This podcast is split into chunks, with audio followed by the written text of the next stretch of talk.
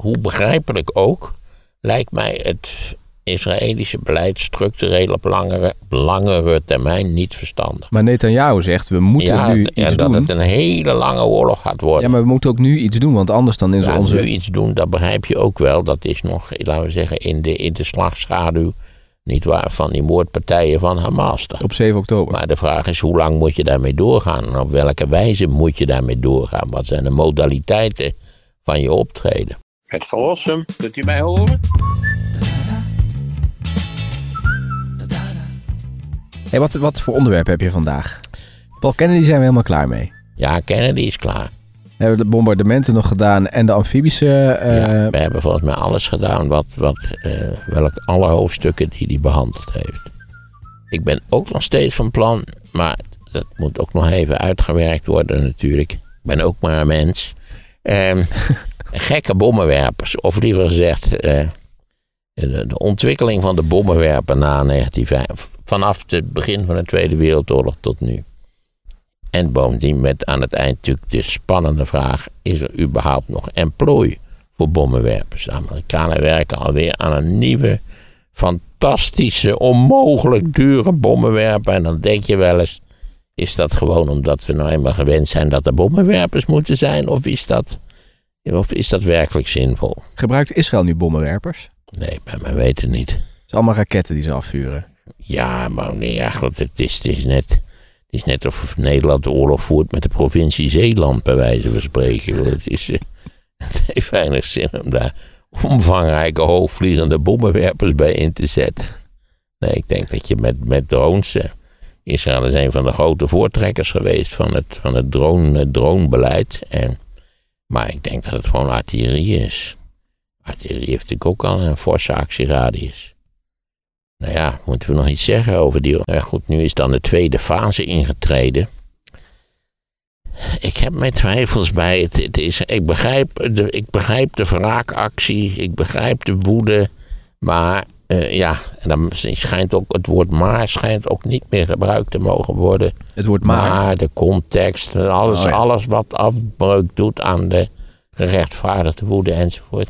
Ten eerste denk ik dat het ze er niet in zullen slagen om Hamas volledig uit te schakelen. Daar geloof ik niks Dat van. zeggen al die deskundigen ook, hè? dat Ja. lukt je nooit. Nee, precies, dat lukt je dus nooit. Bovendien loop je natuurlijk toch het gevaar eh, dat dat dus door het verwoesten van, van grote delen van de, van de Gazastrook natuurlijk het radicalisme alleen maar gestimuleerd Mhm. zal worden in, de naaste toekomst. En dan is er denk ik een derde punt, dat zie je toch al overal, dat, dat Israël natuurlijk in een vrij rap tempo eh, eh, eh, support verliest wereldwijd. En dat zag je al in de United Nations waar 140 naties bereid waren om voor een voorstel voor een wapenstilstand te stemmen. Het is eigenlijk te zeggen van, nou ja, het is al mooi geweest, eh, hou er maar mee op. En Nederland En naarmate daar, natuurlijk het aantal, kijk, het, het aantal burgerslachtoffers, dat begrijp je ook wel, dat is toch enorm. Dat zal niet aan, dat, dat is onvermijdelijk. En als je dan natuurlijk ook nog de, de, de, ja, de energietoevoer afsluit en het voedsel afsluit. En het internet. Ja, dan, dan verlies je natuurlijk ook, ook internationaal support, waar, voor zover ik het kan zien, Israël al druk mee bezig is. We hebben al dat wonderlijke feit besproken dat de politieke elite aanvankelijk 100% voor Israël ging. En, maar dat uit allerlei onderzoek blijkt dat dat helemaal de stemming niet is bij, laten we zeggen, de modale Nederlander of ook de modale Fransman. Duitsland lag het toch weer wat anders, begreep ik. Maar dus ik denk dat dat wel een punt is. Ook, zo, ook in Amerika is, is het niet zo dat er één verenigde solide support voor Israël is. Dat kwam omdat de menselijke maat in die eh, eh, argumenten weer naar voren Ja, kwam. Hè? van- Kijk eens wat je die Palestijnen aandoet. Ja, precies. Ja. Dus ja, het, het lijkt mij dat het, hoe begrijpelijk ook, lijkt mij het Israëlische beleid structureel op langere, langere termijn niet verstandig. Maar Netanyahu zegt, we moeten ja, nu het- en iets dat doen. het een hele lange oorlog gaat worden. Ja, maar we moeten ook nu iets doen, want anders dan is Ja, onze... nu iets doen, dat begrijp je ook wel. Dat is nog, laten we zeggen, in de, in de slagschaduw, niet waar, van die moordpartijen van Hamas. Op 7 oktober. Maar de vraag is, hoe lang moet je daarmee doorgaan? En op welke wijze moet je daarmee doorgaan? Wat zijn de modaliteiten van je optreden? Ja, maar als je kijkt, dit, jij schetst nu het internationale kader. Als je nu even inzoomt op Israël en het sentiment wat daar natuurlijk leeft, zeggen alle burgers daar in eh, Israël, we moeten hier iets aan doen. Ja, ook als dat grote ellende veroorzaakt in de, in de, in de Gazastrook. Ja, dat vind ik, eh, dat kan ik me van Israël wel voorstellen. Maar je moet wel constateren dat Israël eh, ook internationaal belangen te verdedigen heeft, ook internationaal een positie heeft. Dat Amerika niet in alle denkbare omzicht, opzichten aan Loutrans achter Israël zal blijven staan. Dat is niet het geval. Biden heeft natuurlijk al tegen ze gezegd: jongens, ja, wel begrijpelijk, begrijpelijk die wraakgevoelens, maar denk eens aan hoe stom wij ons hebben gedragen na 9-11. Dus ja, ik zou zeggen, hoe begrijpelijk ook, eh, denk ook na over de langere termijn. Ja, maar de, je hebt Sowieso is Israël over de langere termijn, als we dat de afgelopen decennia bekijken, heeft ze bepaald niet populair gemaakt. Want dat blijkt uit al die onderzoeken die eigenlijk iets heel anders opleverden dan iedereen gedacht had. Mhm. Niet voor niks schrijven honderden ambtenaren in Den Haag brieven van wacht nou eens even, wij zijn helemaal geen voorstanders van eh, eh, onge, ongeremde steun voor Ja. Israël. Maar als je. Kijk, jij hebt gezegd de oplossing, dat zeggen heel veel mensen met jou, is praten. Maar eh legercommandanten zeggen die fase van praten is voor Israël nu nog niet aangebroken. Ze Nee, zullen dat eerst. zou kunnen. Ja, als je maar wel in de gaten hebt dat het tenslotte gepraat moet worden. Ja, maar zij willen eerst nog een slag uitdelen aan Hamas. Ja, dat begrijp ik. Maar de vraag is hoe effectief die slag zal zijn. Hè, zij zeggen wij zijn in staat om Hamas volledig uit te schakelen. Vergelijkbaar met IS. Maar goed, dat zijn al twee, naar mijn idee, verschillende situaties. En eh, nou ja, wat natuurlijk ook duidelijk wordt, en dat is al een vrij pijnlijke zaak, dat Netanyahu zelf betrokken is geweest bij, bij laten we zeggen, een, eh, nou ja, niet het- misschien het versterken van Hamas, maar, maar het tolereren van Hamas, omdat hij, het hem goed uitkwam dat de Palestijnen verdeeld waren over wat de toekomst van de Palestijnen zou moeten zijn. Ja, dat, ik zou ook zo zeggen, Netanyahu zou ook de aan zichzelf moeten houden. Daar heeft hij ook iets over gezegd, hè? Ik zou zeggen, laat, laat ze daar in ieder geval beginnen met een, een regime. Er is nu één partij toegetreden tot ze zit in een coalitie. En laat dat een wat bredere coalitie Ja. zijn. Maar er werd natuurlijk de vraag gesteld van, eh, is Netanyahu verantwoordelijk voor wat er nou gebeurd is op 7 oktober? En daarvan zei hij, Nee, natuurlijk. Nee. nou, hij heeft, hij heeft nog niks gezegd. Hij zegt, ik heb ook fouten gemaakt, iedereen heeft fouten gemaakt. En er is, eh, we hebben ernstig hebben we, eh, zaken echt laten liggen. Maar na de oorlog pas gaan we daar eh, ons over buigen. Ja, maar er is nog een andere kwestie. Je, je schiet een groot deel van die Gazastrook schiet je in elkaar. Eh, wie, wie gaat die Gazastrook beheren? Wat voor beleid wordt er dan gevoerd ten aanzien van die Gazastrook? Blijft die geïsoleerd, afgesloten van de rest van de wereld? Is er een economische toekomst voor de Gazastrook? Wat voor bewind zal daar dan gevestigd worden? Zou dat, zouden dat de Palestijnen zijn uit van de Westbank of weer hele andere mensen? Of zou je daar moeten denken aan internationaal toezicht? Eh, kortom, al die dingen zijn duister en zullen uiteindelijk geregeld moeten worden. Hmm. In hoeverre vind je dat eh, Israël nu rekening moet houden met het belang van die gijzelaars die daar in die tunnel zitten, die ze nu aan het belegeren zijn? Ik heb geen idee in hoeverre ze daar überhaupt rekening mee kunnen houden. Ik neem aan dat ze niet precies weten waar de lui zijn. Ja, ik heb geen idee. Ja, ze zeggen dat ze hun uiterste best gaan doen. Ja, dat geloof ik graag. Maar dat wil nog niet zeggen dat de uiterste best ook effectief zal zijn.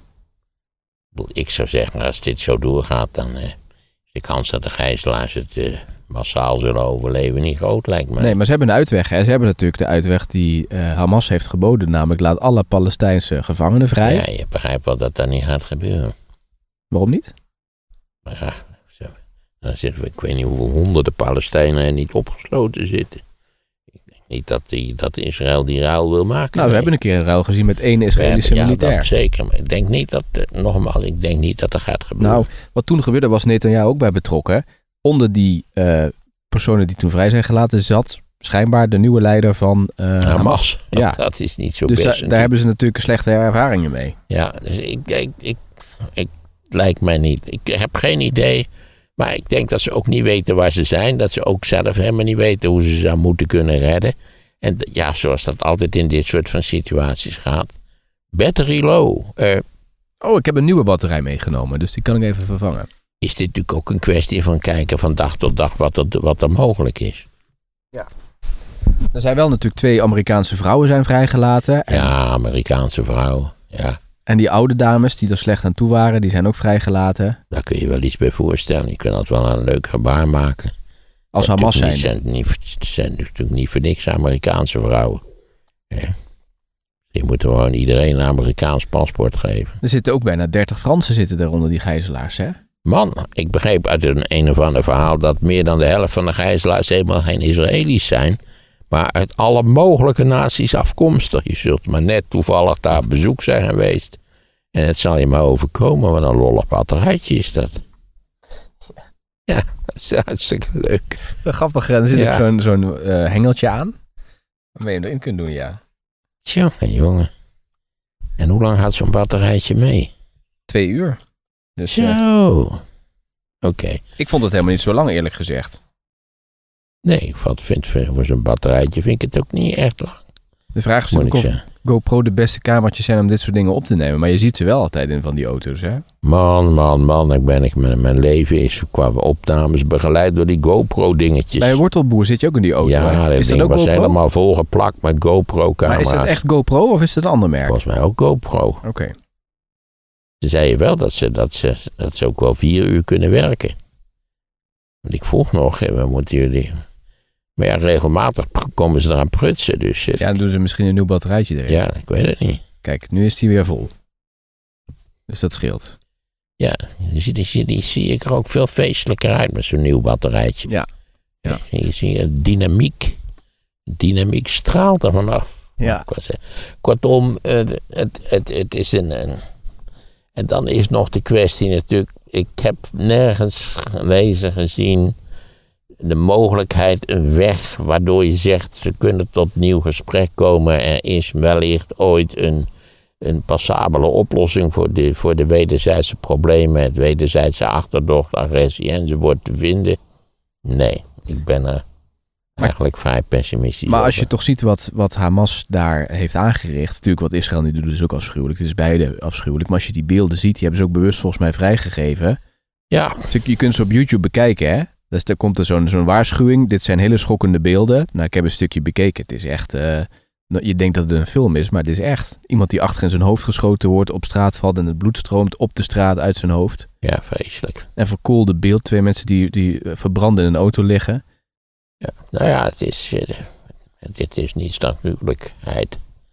Maar goed, het voor hetzelfde geld. Ik bedoel, hoeveel mensen gaan er, gaan er, zullen er sneuvelen in de komende Ja. weken en maanden? 8000 In- nu al. Tot nu toe in alleen in de Gazastrook al. Oké, die zijn ook dood. In 22 dagen. Ik, ik zie dus voor het hele probleem geen, geen oplossing. Gezien de positie van de, van, de, van de twee partijen zie ik geen oplossing voor het probleem op dit moment. En laat staan, ik, ik zie ook helemaal nergens dat, dat er voorstellen zijn om te komen tot, tot een gezamenlijk overleg van welke aard dan ook. Zelfs maar een voorbereidend overleg 0,0. Ik bedoel, laten we wel wezen, niet alleen Israël heeft eh, al tijdenlang de andere kant op gekeken bij dit probleem. Maar dat heeft de internationale gemeenschap precies zo gedaan. Die, is natuurlijk, die hebben ook allemaal de andere kant op Maar gekeken. wat kunnen zij doen? Welke invloed kunnen zij uitoefenen? Ik weet, er is maar één land wat invloed heeft. En dat zijn de Verenigde Ja. Staten. Daar hebben we het al eerder over gehad. Ik bedoel, de EU heeft... De EU kan zijn bemiddeling aanbieden, maar, maar daar zal Israël niet bijster geïnteresseerd zijn, denk ik. Je, moet, je moet, hebt toch een partij nodig die serieus eh, machtspolitiek aanwezig kan zijn. Maar het grondoffensief gaat er, ja, daar zijn ze eigenlijk nu al mee begonnen. Maar dat, eh, als je die militaire deskundigen eh, hoort, die zeggen dat gaan ze langzaam opbouwen. Dus eh, ze hebben nu al. Eh, zonder meer, want dit was de tweede fase. Dus als je zegt tweede fase, zullen er meerdere fases zijn. Volgens Netanyahu ging het lang duren. Daarbij zeg ik, in principe hebben, af, als ik kijk hoe er internationaal gereageerd wordt, zou ik zeggen, hebben de Israëli's ook niet eeuwig de tijd om daar nou eens langdurig aan te gaan doorpakken. Daar geloof ik niks van. Maar als je het echt. En dan, dan, wordt, dan ontstaat er tenslotte een enorme druk om voor een wapenstilstand of voor, voor, nou ja, voor een, al is het maar voor een tijdelijke oplossing. maar als je ze wil uitroeien, moet je dus echt stad voor stad, straat Ja, voor straat. en, en daar is de vraag, zijn ze daar überhaupt toe in staat? Gezien de complexiteit van de situatie. Nou, hun leger is natuurlijk wel erg goed. En, ja, de meeste deskundigen geloven daar niet erg aan. Nou ja, als je die. Ik ben, ik, ben, ik ben geen deskundige, dus Nee. ik, eh, Kijk, met die alles wat ik zeg is betrekkelijk gratuit in dit verband. Nee. Kijk, die Merkava heb je niet zoveel aan in steden. Maar als je toch ziet wat die allemaal kan en hoe die is uitgerust. Ja, het is een prima tank, dat wel. Maar ik, ja, met die tank kun je die, kun die ondergrondse gangen niet in. Nee. nee, dat wordt een groot probleem. Hoe gaan ze dat doen? En hoe omvangrijk zijn die en hoe zit dat in elkaar? En, zit dat vol met booby traps? Ik heb geen Ja. flauw idee. Er is een boek over geschreven, over die gangen. Dus Oh. zelfs als je er water in laat lopen, dan hebben ze dus eh, deuren die ze dicht kunnen zetten, waardoor ze zichzelf kunnen beschermen, die Hamas-strijders. Kortom, ik, eh, we zullen het af moeten wachten hoe dit gaat. Het is uit, in alle denkbare opzichten, op alle denkbare niveaus, een rampzalige situatie. ja. Maar als jij dus, eh, jouw advies is eigenlijk, ga dat grondoffensief, stop dat en ga meteen praten. Nee, ik denk dat stoppen, dat, dat, dat is niet reëel gezien, eh, gezien de wraakgevoelens. En ook de sentimenten die in Israël zelf leven. Dus voorlopig zitten we wel met een offensief. Maar beperk dat in de tijd. En als je dus als Netanyahu zegt, ja dat kan heel lang gaan duren. Dan zou ik zeggen, dat, dat klinkt mij niet verstandig in de oren. Kijk eens hoe de internationale gemeenschap, dan kun je zeggen, fuck de internationale gemeenschap. Dat kun je nog iets bij voorstellen. Maar daar moet je tenslotte wel rekening mee houden. En natuurlijk degene die, die ook daartoe kijken en die, die ook een, een rol spelen, dat zijn de Amerikanen, de enige serieuze partij eh, die druk zou kunnen uitoefenen. Die zal dat ook niet, eh, zal die een maandenlange vernietiging van, van de Gazastrook eh, tolereren? Ik geloof er niks van. Die zal ook op een goed moment zeggen, het moet eens afgelopen zijn. Ja, dat hebben ze in het verleden ook regelmatig gedaan. Ja, maar je zou zeggen, is dan nu niet het moment om dat te zeggen? Ja, dat, ja, maar dan zit je weer met de sentimenten die er nog steeds zijn. En denk aan, aan die vergruwelijke moordpartijen. Hm. Hè, Ja, daar moet je natuurlijk ook rekening mee houden. Het, het is natuurlijk voor een heel belangrijk gedeelte sentiment. Wordt daar puur rationeel gereageerd? Niet waar, wordt dat puur rationeel afgewogen? Wat zijn de mogelijkheden? Hoe groot zijn de slachtoffers? Wat voor effect heeft dat? Nee, dat gebeurt natuurlijk niet. Wordt voor een belangrijk gedeelte van twee kanten door sentiment gedreven. Ja, maar Netanyahu heeft eigenlijk geen andere optie hè, dan, dan het helemaal afmaken. Want hij heeft nu een belofte gedaan aan eh, zijn Ja, maar afmaken, dat is natuurlijk zolang als het breed is. Dat heb je zelf. Je kunt zelf bepalen wanneer je beweert dat het af is, is het af. Eh, dat het niet helemaal afkomt, dat begrijpt iedereen wel. Ja, maar dat, eh, er was een mevrouw op de tv uit Israël die zegt: We hebben de nazi's verslagen. We hebben uiteindelijk hebben we ISIS verslagen. En we Nou, gaan. we hebben de nazi's verslagen. Daar zijn ook nog andere partijen bij betrokken geweest, zover ik weet. En dat geldt voor ISIS in feite ook. Ik bedoel, het is niet zo dat Israël de nazi's verslagen heeft. Het tegendeel is eerder het geval natuurlijk. Maar haar sentiment was meer van: Het gaat ons ook lukken om eh, Hamas te verslaan. Ja, eh, dan zou ik zeggen, eh, wie weet. Maar dat is alleen mogelijk op lange termijn, structureel, door het Palestijnse probleem op te lossen. Hmm. En, en niet, niet door, door eh, Gaza voor drie kwart in elkaar te paffen. De NOS had nog een mooie reportage in een dorpje eh, in Israël. eh, waar Palestijnen en eh, mensen uit Israël gewoon heel vredig samenleven. En dus ook hun afschuw uitspraken over deze zaak. Ja. Er is natuurlijk ook in Israël is een, is een vredesbeweging. Ja, dat die, dat die niet dominant is, is vers 2. We hebben het ook gehad over het feit dat natuurlijk eh, Joden buiten Israël eh, in het algemeen verdeeld zijn in twee groepen. Namelijk de groep van keiharde aanpak en de groep van nee, nee, nee, dat moeten we langs de liberale weg zoveel mogelijk op zien te lossen. Mm. Nou, ze worden hier in Nederland ook lastig gevallen. Maar, of het zin heeft om, om, om, om maandenlang, eh, niet waar, de, de Gazastrook eh, vrijwel volledig te verpulveren, nee, daar geloof ik absoluut niks van. Maar afgezien van het feit dat ik helemaal niet geloof dat ze erin zullen slagen om Hamas volledig uit te schakelen. Ja. En jij zegt nu de Verenigde Staten is de dominante partij, maar alle onderhandelingen die tot nu toe gevoerd worden lopen via Qatar. Want Israël, eh, Israël heeft geen direct contact met Hamas. Ja, maar ik denk dat Amerika daar toch ook wel een rol in speelt. Want eh, Amerika heeft daar een basis hè, in, in Qatar. Eh, Eh, eh, kijk, zonder de betrokkenheid van de Verenigde Staten en de, en de wens tot deelname aan de oplossing van het conflict van de Verenigde Staten, gebeurt er gegarandeerd helemaal niks. Een van de problemen is juist dat de Verenigde Staten in de afgelopen jaren niet waar, helemaal niet eh, Israël gemaand hebben om iets te doen aan het Palestijnse probleem. Er zijn denk, ook al... denk aan Trump en, en ja, denk aan het feit dat Amerika natuurlijk onvoorwaardelijk eh, in allerlei opzichten Israël gesteund heeft. Ik was al verbaasd dat Biden zo, zo zeer zei van. eh, laat je niet overmannen door je wraakgevoelens. Probeer het rationeel. Nou ja, dat vond ik al heel wat. Ja, maar het heeft geen effect gehad tot nu toe. Nee, tot nu toe niet, maar het zou wel op termijn effect kunnen hebben. Ja. Maar eh, nogmaals, ik, eh, ik zie het helemaal niet. eh. Het is een brandhaard en ik zie geen van beide partijen. eh, er is geen oplossing die voor beide partijen acceptabel zou zijn. Denk ik. Nee. Dat krijgt dat ding dan nooit. Ja, die parkeerders hier. Sorry dat ik me af laat leiden door de parkeerders. Maar het, het, het, is, een zo, het is een probleem wat mij zo hopeloos stemt. Deze rijdt ook weer omdat- weg. Ah, kijk. Oh, er was trouwens nog iemand die, eh, dat vond ik wel een mooie opmerking, heb ik volgens mij nu niet meegenomen, maar die had even uitgerekend dat jouw, eh, wat de lengte van jouw auto is. En eh, die vertelde, ja, Maarten heeft het altijd over het kasteel op wielen. En dan bedoel je vaak die grote Volvo's. Maar het blijkt dat jouw auto zelf iets langer nog is dan de XC90 van Volvo, had hij me Ah, maar uitgerekend. er is toch, dat is misschien mogelijk, maar er is minder metaal gebruikt in de constructie. Oké.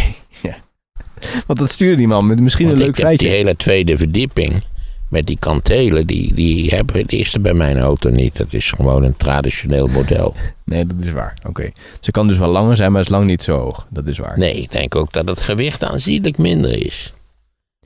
Ik zou niet weten wat het is uit mijn hoofd, denk ik. Maar ja, we komen uit dat probleem van, van Israël-Palestina. Dat, dat, Nee.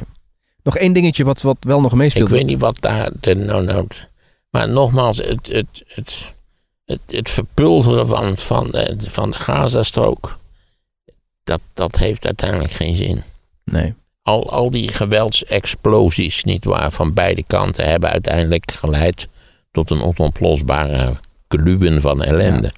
En het kan nog natuurlijk erger worden als, eh, als dat grondoffensief zo meteen op stoom komt. Dat eh, Hezbollah zich er toch mee gaat bemoeien. Ondanks alle Dat zou ook nog kunnen en dat je natuurlijk een soort van intifada op de Westbank zou krijgen. Dat is allemaal mogelijk. Dan wordt het nog erger. En goed, Amerika heeft, heeft natuurlijk eigenlijk Iran al uitgebreid gewaarschuwd door het laten opstomen van die, van die, eh, van die eskaders in de Middellandse Zee. Oké, we zullen zien hoe het afloopt. Roy Ruig die vraagt Maarten, waarom horen we nu zo weinig over de oorlog in Oekraïne? Want die gaat ook gewoon door. Eh, Dat, heeft die eh, vraagsteller groot gelijk in. Dat heeft te maken met de structuur van onze nieuwsvoorziening. Namelijk, wij kunnen eigenlijk maar. Dat heet ook, dat heet ook wel kluitjesvoetbal, zo zou je het ook kunnen zeggen. Kinderen die voetballen, die denken altijd dat je daar moet zijn waar de bal is. En daarom zijn ze allemaal waar de bal is. Maar je moet helemaal niet zijn waar de bal is. Je moet zijn waar de bal gaat komen. Dat is, dat is eigenlijk de kern van alle voetbaltactiek en strategie. En bij, het nieuws, bij de nieuwsvoorziening zo is dat klaarblijkelijk is de wereldnieuwsvoorziening niet in staat om meerdere complexe grote onderwerpen tegelijkertijd in het oog te houden. Met als gevolg dat nu alle, alle aandacht gericht is op, de, op, op Hamas en op de Gazastrook en op Israël. Op den duur gaat dat ook weer over. Jammer genoeg, want eigenlijk zou je veel van die kwesties permanent in het oog moeten houden. Maar ja, het, de- nogmaals, de nieuwsindustrie is zo gestructureerd dat ze niet twee grote onderwerpen tegelijkertijd aan kunnen pakken. Terwijl de oorlog wel natuurlijk gewoon doorgaat. Hè? En ook eh, daar de eh, doden blijven vallen. Aan beide Zeker. kanten. Zeker, ja.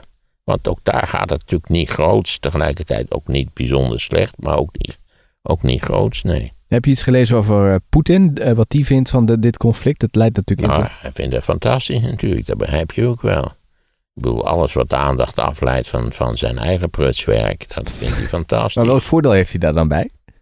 Nou ja, dat, dat, hij, dat hij, nogmaals, dat hij, eh, de aandacht is afgeleid. Dus dat hij allerlei, misschien allerlei vervelende dingen kan doen die hij toch al van plan was. Ik heb geen idee precies, maar dat hij het prettig vindt natuurlijk dat het Westen is afgeleid. Zonder meer, dat denk ik, zonder meer. Hij hoopt natuurlijk ook dat het Westen vooral oneenigheid onder elkaar krijgt. Dus dat de EU zegt van ja, moet nou eens afgelopen zijn met die, met die Israëlische opruimerij in de Gazastrook. En Dat Amerika dan zegt van laat ze nog even. En nou ja, dat je dit soort van dingen krijgt. Hè? Want jij gelooft dat de Chinezen ook al hadden gezegd, het was allemaal de schuld van Amerika. Ja, ook een benadering van het vraagstuk. Deels, eh, ja, deels is dat zo, als je het zo wil zien. Hij heeft ook goede banden met eh, Iran, toch? Poetin?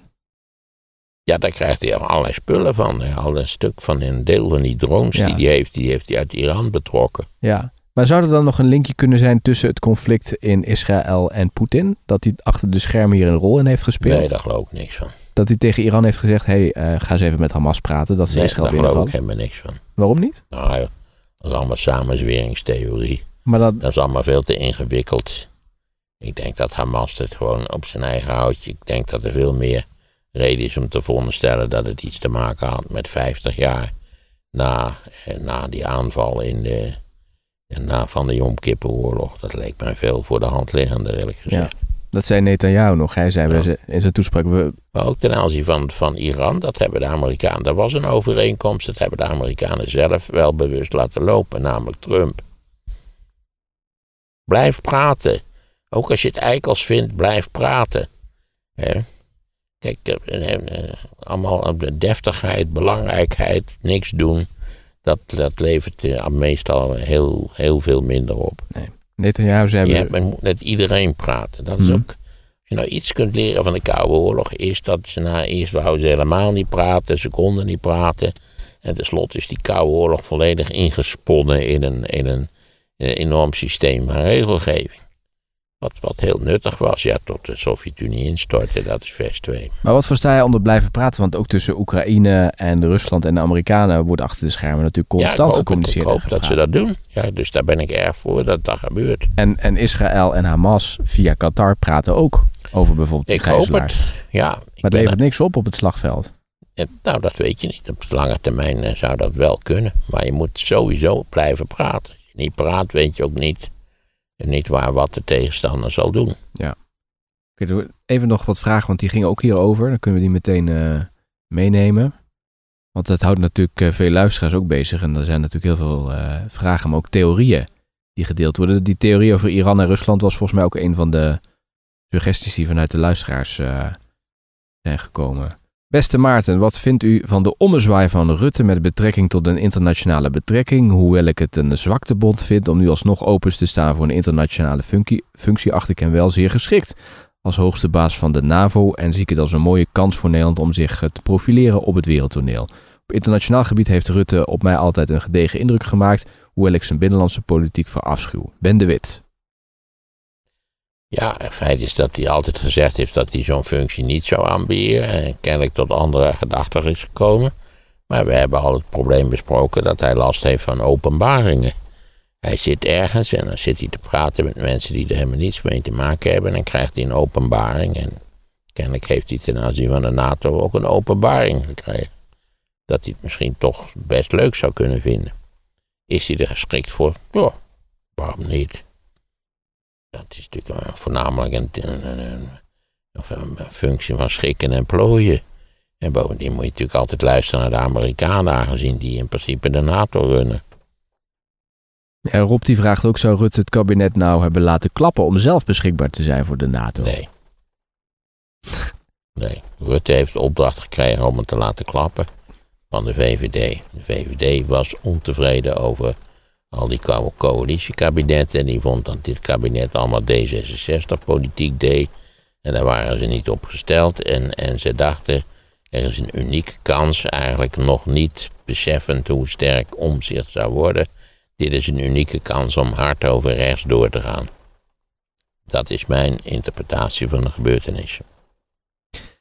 Geachte heer Van Rossum, wat vindt u van online stemwijzers als het gaat om snel inzichtelijk te krijgen hoe je persoonlijke keuzes zich verhouden tot verkiezingsprogramma's? Groeten en dank voor de leuke en informatieve podcast. Peter Koen uit Rotterdam. Ik ben niet zo'n voorstander van stemwijzers, omdat altijd als ik de stemwijzer invulde, moest ik SP stemmen. En dat bleek samen te hangen met mijn standpunt ten aanzien van het eh, Koninklijk Huis. Ik vind dus dat dat afgeschaft moet worden. En dat heeft een relatief grote invloed op je standpunt. Maar ik zou zeggen, als je er zelf niet uit kan komen, kun je beter niet gaan stemmen. dan het af te laten hangen van de stemwijzer. Dat vind ik een beetje raar eigenlijk. Je, je moet toch een, een, soort, al is het maar een vaag sentiment hebben van de partij waar je denkt van nou dat zou wel iets kunnen worden. Of, of daar wil ik nu wel eens op stemmen. Of daar heb ik altijd op gestemd. Of daar stemden mijn ouders altijd, weet ik veel. Dus ik, ik vind die stemwijzer, of zolang je niet nauwkeurig weet hoe die antwoorden gewogen worden in, in want dat zijn een heleboel vra- vragen die je moet beantwoorden, ben ik daar niet zo'n voorstander van. Het gaat namelijk steeds over het wegen van die antwoorden. Waarom heeft Mike Pence zich teruggetrokken in eh, Amerika? Nou, dat is volkomen begrijpelijk. Aangezien hij volkomen kansloos was, altijd kansloos geweest is, sowieso altijd een totaal kansloze figuur is geweest. Eh, dus ik zou zeggen, vaarwel Mike Pence, blij dat ik je niet meer hoef te bekijken. Maar waarom heeft hij zich dan überhaupt opgegeven? Om ja, dat is een raadsel. Misschien om zijn eh, lezingenprijs omhoog te krijgen, ik weet het niet precies. Je kunt, je kunt op alle redenen deelnemen aan, het, aan de presidentsverkiezingen, terwijl je verdomd goed weet dat je van je leven geen president gaat worden. Dat je ook niet door je partij genomineerd zal worden. Maar het, eh, levert je een hoop publiciteit op. Die deels eh, gratis wordt aangereikt. Omdat je doet aan zo'n debat mee. En nou ja, gaan ze maar door. Je moet ook wel wat geld gemobiliseerd hebben, maar niet zo heel veel.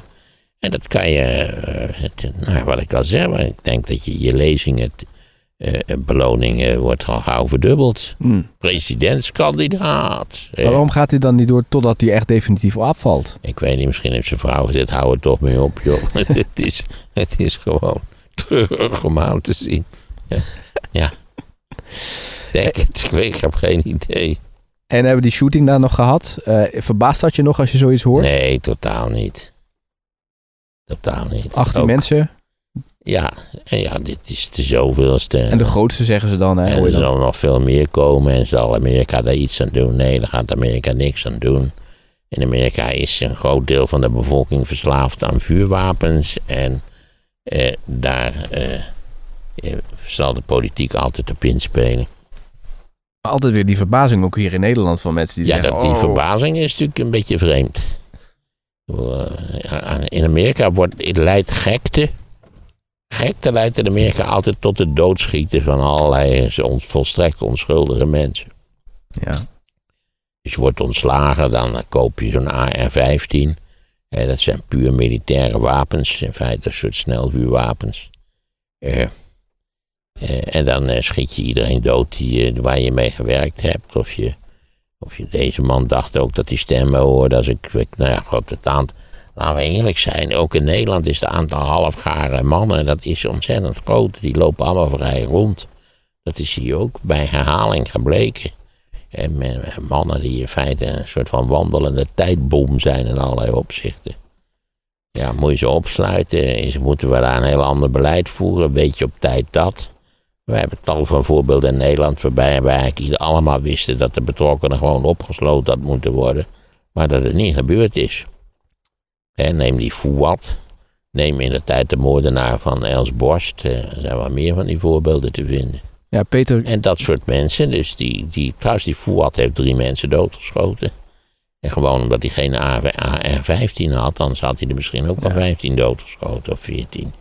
Peter Koen heeft daar ook nog een vraag over. Die zegt, zou Maarten eens wat dieper in kunnen gaan op de geschiedenis van het bezit van wapens in de Verenigde Staten? Hoe zit het met die regel in de constitutie daarover? Hoe zit dat in elkaar? Ja, ja dat, dat, dat zou kunnen. De, de constitutie spreekt van een well-armed militia.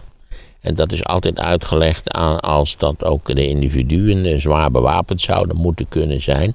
En volgens mij heeft de constitutie dat nooit zo bedoeld. Maar goed, daarover is in Amerika natuurlijk een uitgebreide strijd, juridische strijd gevoerd. En nou ja, de, de conservatieve stem wil dus dat, dat de interpretatie zo is dat elk individu ook zwaar bewapend moet en mag kunnen zijn. Hoe hebben ze het dan wel bedoeld, denk jij? Well-armed militia, dus in, in feite als een collectief. Waarbij je ook in dat collectief bewapend bent en ten opzichte van dat collectief handelt als je met dat wapen iets doet. Ja. Hij stelt ook de vraag, was wapenbezit ooit aan het afnemen? Wanneer gingen mensen militaire automatische wapens aanschaffen en wat brengt de toekomst? Nou, zeker in de 19e eeuw eh, was die bewapening lang niet in de, in de omvang van nu. Om de eenvoudige reden dat wapens hartstikke duur waren. nog steeds betrekkelijk prijzig zijn. Maar ja, nu heeft iedereen zat geld om. Deze man had ook een hele reeks van, van halfgare wapens aangeschaft. Al die shooters die, die blijken zeer zwaar bewapend te zijn. Nee, daar gaan ze niks aan doen. Integendeel. Zal, uh, overigens, het aantal shootings is geloof ik nog afgenomen. Is het vergelijkbaar 30, 40 jaar geleden. Maar nee, Amerika gaat daar niets aan doen. Nee. En is het de, de opvolger van Kevin McCarthy er al? Ja, die is er ook. Zeker. Een, een aardsconservatieve man. Een, een hele jonge figuur. Ik ben nou natuurlijk zijn naam even kwijt, maar kijk even. Even googlen. Uh, ja. uh, Scott heet hij volgens mij. Als ik het wel heb, maar goed. Uh, helemaal van de Trump-richting. Dus ook een, een, een uh, ontkenner van de verkiezingsuitslag. En, en zwaar bijbels georiënteerd. En, nou ja, kortom. Ik breng niet veel goeds, hoor ik al aan jouw stem, als ik het zo hoor. Nee. Maar goed, had je het ook niet verwacht, of niet? De hele, nee. de, hele, de hele republikeinse fractie in het huis die is, bestaat grotendeels uit halve raren. Dus ja, dan kun je ook niet verwachten dat ze een verstandige voorzitter benoemen. Is het Austin Scott? Ja, okay. geloof het wel. Nee, ook daar valt niets goeds van te verwachten. Hij is ook tegen hulp aan Oekraïne, dus we zullen zien hoe dat af gaat lopen. Oké, okay, maar, maar als ik jou zo hoor, is uh, Trump je dus wel blij mee met deze... Ja, dolblij. Uh, ja. Een echte Trumpiaan is het. Ja. Ik weet niet, misschien heeft zijn vrouw gezegd, hou er toch mee op, joh. het, is, het is gewoon treurig om aan te zien. Het zal u duidelijk zijn dat ik niet altijd objectief ben. Maarten Verrossum geeft college over Europa na de Tweede Wereldoorlog. Ik heb wel gelijk, maar ik ben niet altijd objectief. Een nieuw luisterboek van bijna vier uur lang. Die hele Europese samenwerking en de EU dus wortelt in feite in de naoorlogse Europese geschiedenis. Nu te downloaden via de link in de show notes.